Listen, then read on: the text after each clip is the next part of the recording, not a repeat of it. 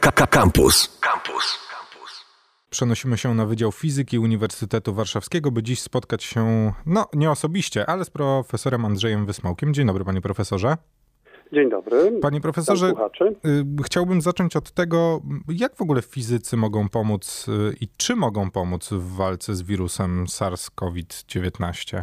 Wydaje mi się, że w tej chwili wszelkie akcje oddolne y, są bardzo mile widziane, tak jak mamy akcje, w których młodzi ludzie pomagają dostarczać żywność do ludzi, którzy nie mogą wyjść z domu, czy też ludzi starszych tak w sytuacji uczelni no mamy taką możliwość, żeby wspomagać w drukowaniu, przygotowywaniu takich przyłbic czy też innych elementów, które mogłyby służyć w maskach, jak na przykład w tych, które zaoferował nie, niedawno Decathlon.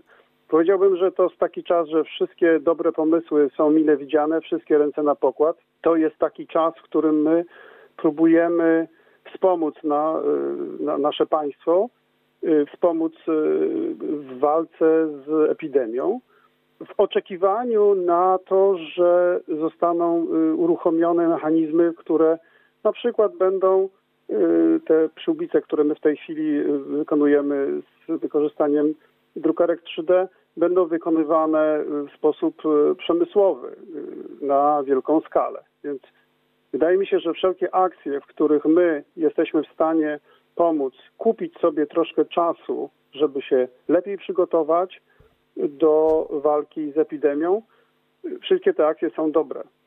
No tak, e, pojawiła się informacja właśnie o tym, że Wydział Fizyki Uniwersytetu Warszawskiego przystąpił do tworzenia mm, tych e, przyłbic dla szpitali i, i nie tylko innych instytucji, które, tylko, mogą, tak. które mogą wspomóc. Wykorzystywane są do tego drukarki 3D do no właśnie, dosyć, z dosyć świeżej pracowni, która miała być ogólnodostępna dla wszystkich studentów. Ona jest dostępna, ona jest ogólnodostępna dla całej społeczności Uniwersytetu Warszawskiego. Y, kiedyś zdarzyło nam się rozmawiać o tym. Y, tu właśnie chodzi o to, żeby studenci mogli realizować swoje pomysły i dlatego mamy park y, drukarek 3D, które to wykorzystujemy zwykle do realizacji studenckich projektów.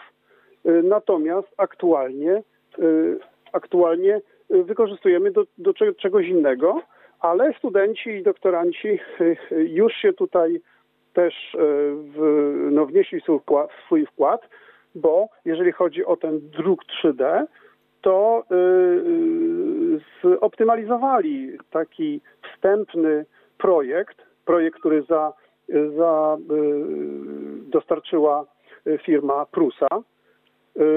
I możemy dzięki temu z 24 drukować powiedzmy 100 takich przyłbic. Tak naprawdę nie drukujemy całych przyłbic, tylko tę część y, uchwytów, które służą do zamocowania na głowie i jakichś takich dodatkowych elementów.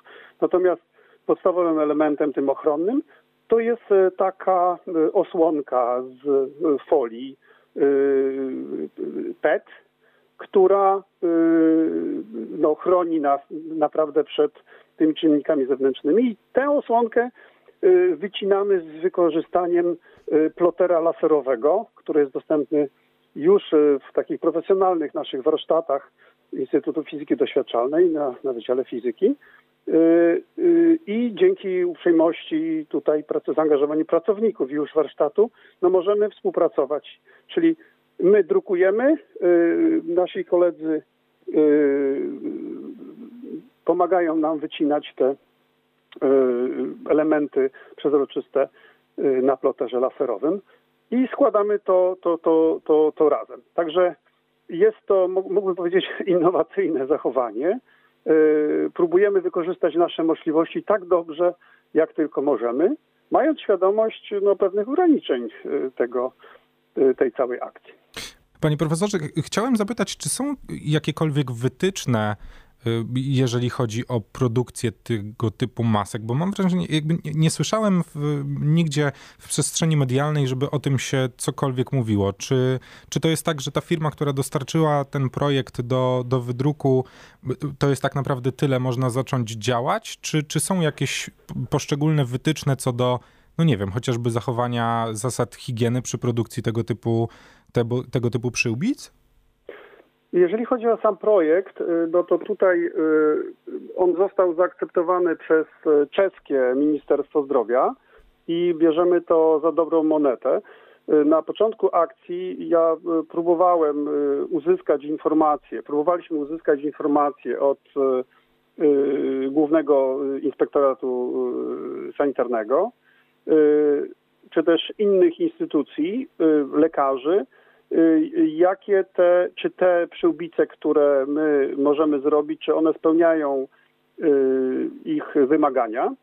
I tutaj z GIS-u przyszła odpowiedź, że oni w zasadzie, znaczy sytuacja jest tak, tak trudna, że pewne elementy takie formalne jak uzyskanie atestu, no bo normalnie jak człowiek y, ma termometr, prawda, pójdzie kupić termometr, czy jak dowolny element, który jest, y, który wykorzystuje w ochronie zdrowia, no to ten, ten, ten element musi mieć jakiś atest. No w tej chwili sytuacja jest taka, że lekarze mówią, że po prostu y, nie mają, no, potrzebują do, no, naprawdę potrzebują jakiejkolwiek ochrony i w związku z tym my po, tej, po tym rekonesansie i stwierdzeniu, że potrzeby są ogromne i y, działając w dobrej wierze, y, że te, to, co zaproponowała firma Prusa jest zgodne jak z, wytycz, z wytycznymi Ministerstwa y, Czeskiego, że my też możemy to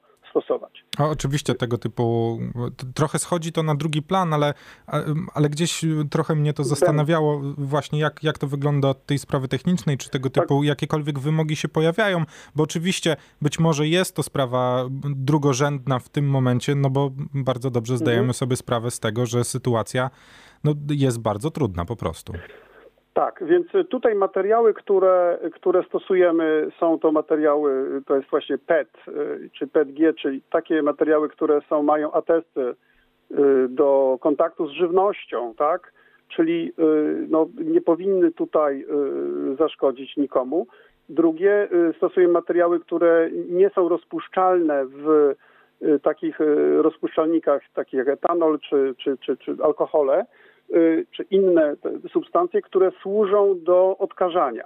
No to jak pan zapytał, jak, jak tutaj y, sprawa związana z, y,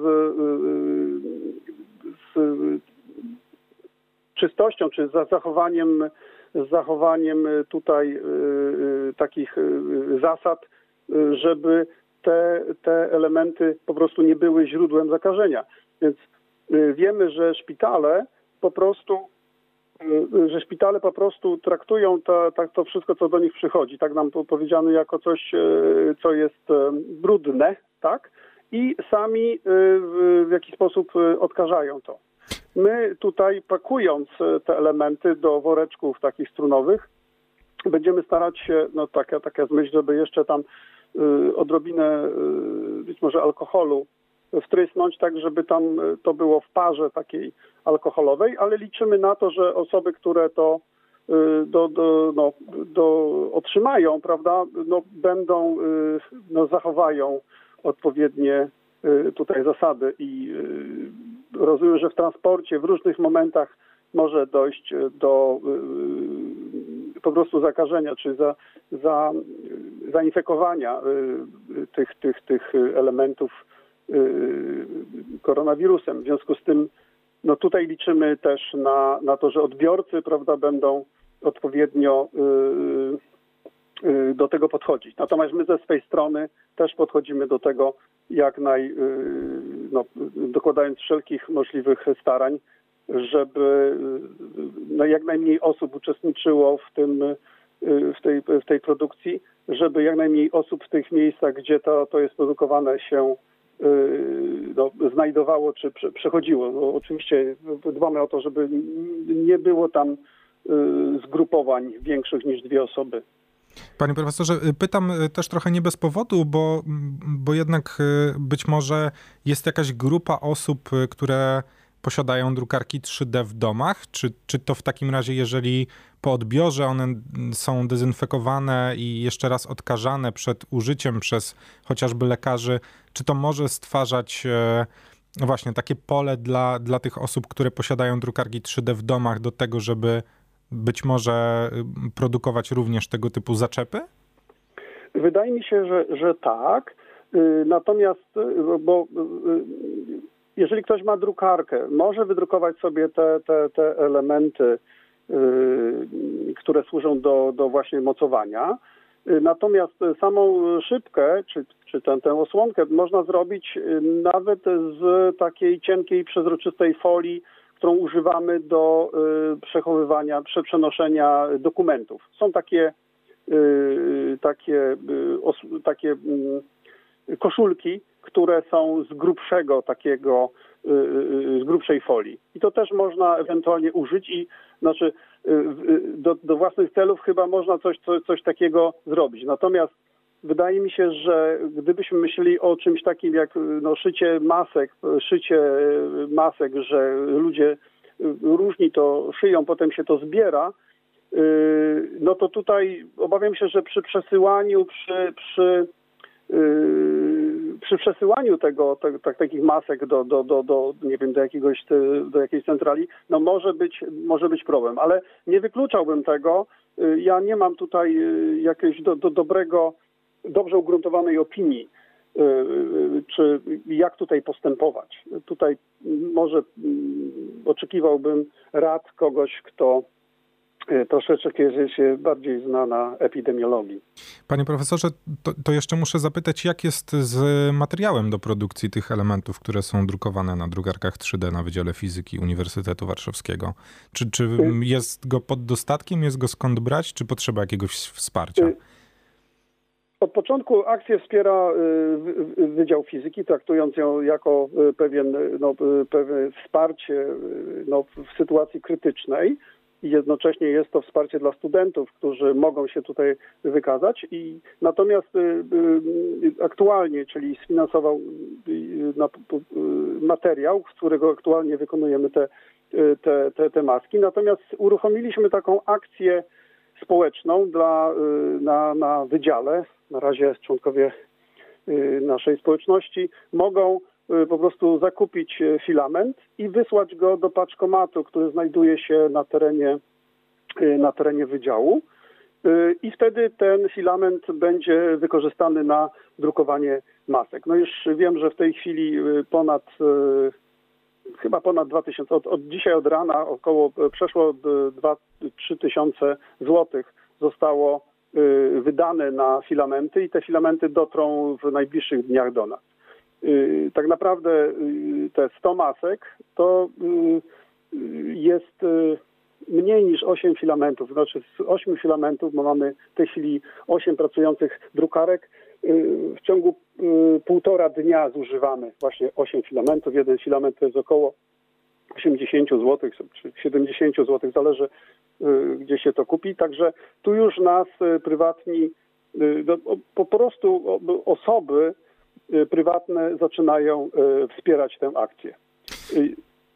Natomiast jeżeli będzie nam potrzeba czegoś więcej, zgłaszają się tej, też już tutaj firmy, które też oferują pomoc. No, to wszystko wymaga oczywiście Y, pewnych zachodów formalnych, prawda, żeby było transparentne, żeby było widać, że my to dobrze używamy. Więc ta akcja, w którym kup filament na przyłbice, y, no, ona tak została zorganizowana, że ludzie sami kupują y, ten filament, wysyłają i my go odbieramy z paczkomatu, przy, przysyłają nam QR kod i to, to, to, to działa. Ale być może można zrobić to lepiej na większą skalę. Oczywiście no, trzeba pamiętać, że my jesteśmy tutaj, yy, yy, mamy ograniczenie możliwości. Na przykład obok na kampusie jest firma Synergis, y, która ma 40 drukarek y, i może drukować znacznie więcej tych y, uchwytów Natomiast no, w tej chwili y, rozmawiamy, y, próbują y, uzyskać od nas pomoc, jeżeli chodzi o ploter laserowy, żeby wycinać więcej maseczek, znaczy więcej osłonek. No i będziemy współpracować z nimi. Wydaje mi się, że dziekan tutaj jest to bardzo przychylny takim działaniom. Więc próbujemy tutaj na wszelkie sposoby wykorzystać nasze możliwości. I na razie to wsparcie jest duże i nie pieniądze są tutaj w tej chwili wąskim gardłem, a raczej to no, przepustowość tych naszych maszyn to my zachęcamy do odwiedzenia e, strony Wydziału Fizyki Uniwersytetu Warszawskiego fuf.edu.pl. Tam w zakładce aktualności więcej o tym, jak Wydział Fizyki pomaga w walce z koronawirusem. Panie profesorze, bardzo dziękuję za rozmowę. Ślicznie dziękuję i po pozdrawiam serdecznie całą społeczność Uniwersytetu Warszawskiego i wszystkich słuchaczy e, spoza Uniwersytetu Warszawskiego. Mam nadzieję, że wspólnie pokonamy e, epidemię i nauczymy się y, czegoś y, dobrego, tak żeby w przyszłości być lepiej przygotowanym do tego i lepiej sobie radzić. Profesor Andrzej Wysmołek, Wydział Fizyki Uniwersytetu Warszawskiego. Jeszcze raz bardzo dziękuję. Dziękuję ślicznie. Akademickie Radio Campus. Radio Kultury i Nauki.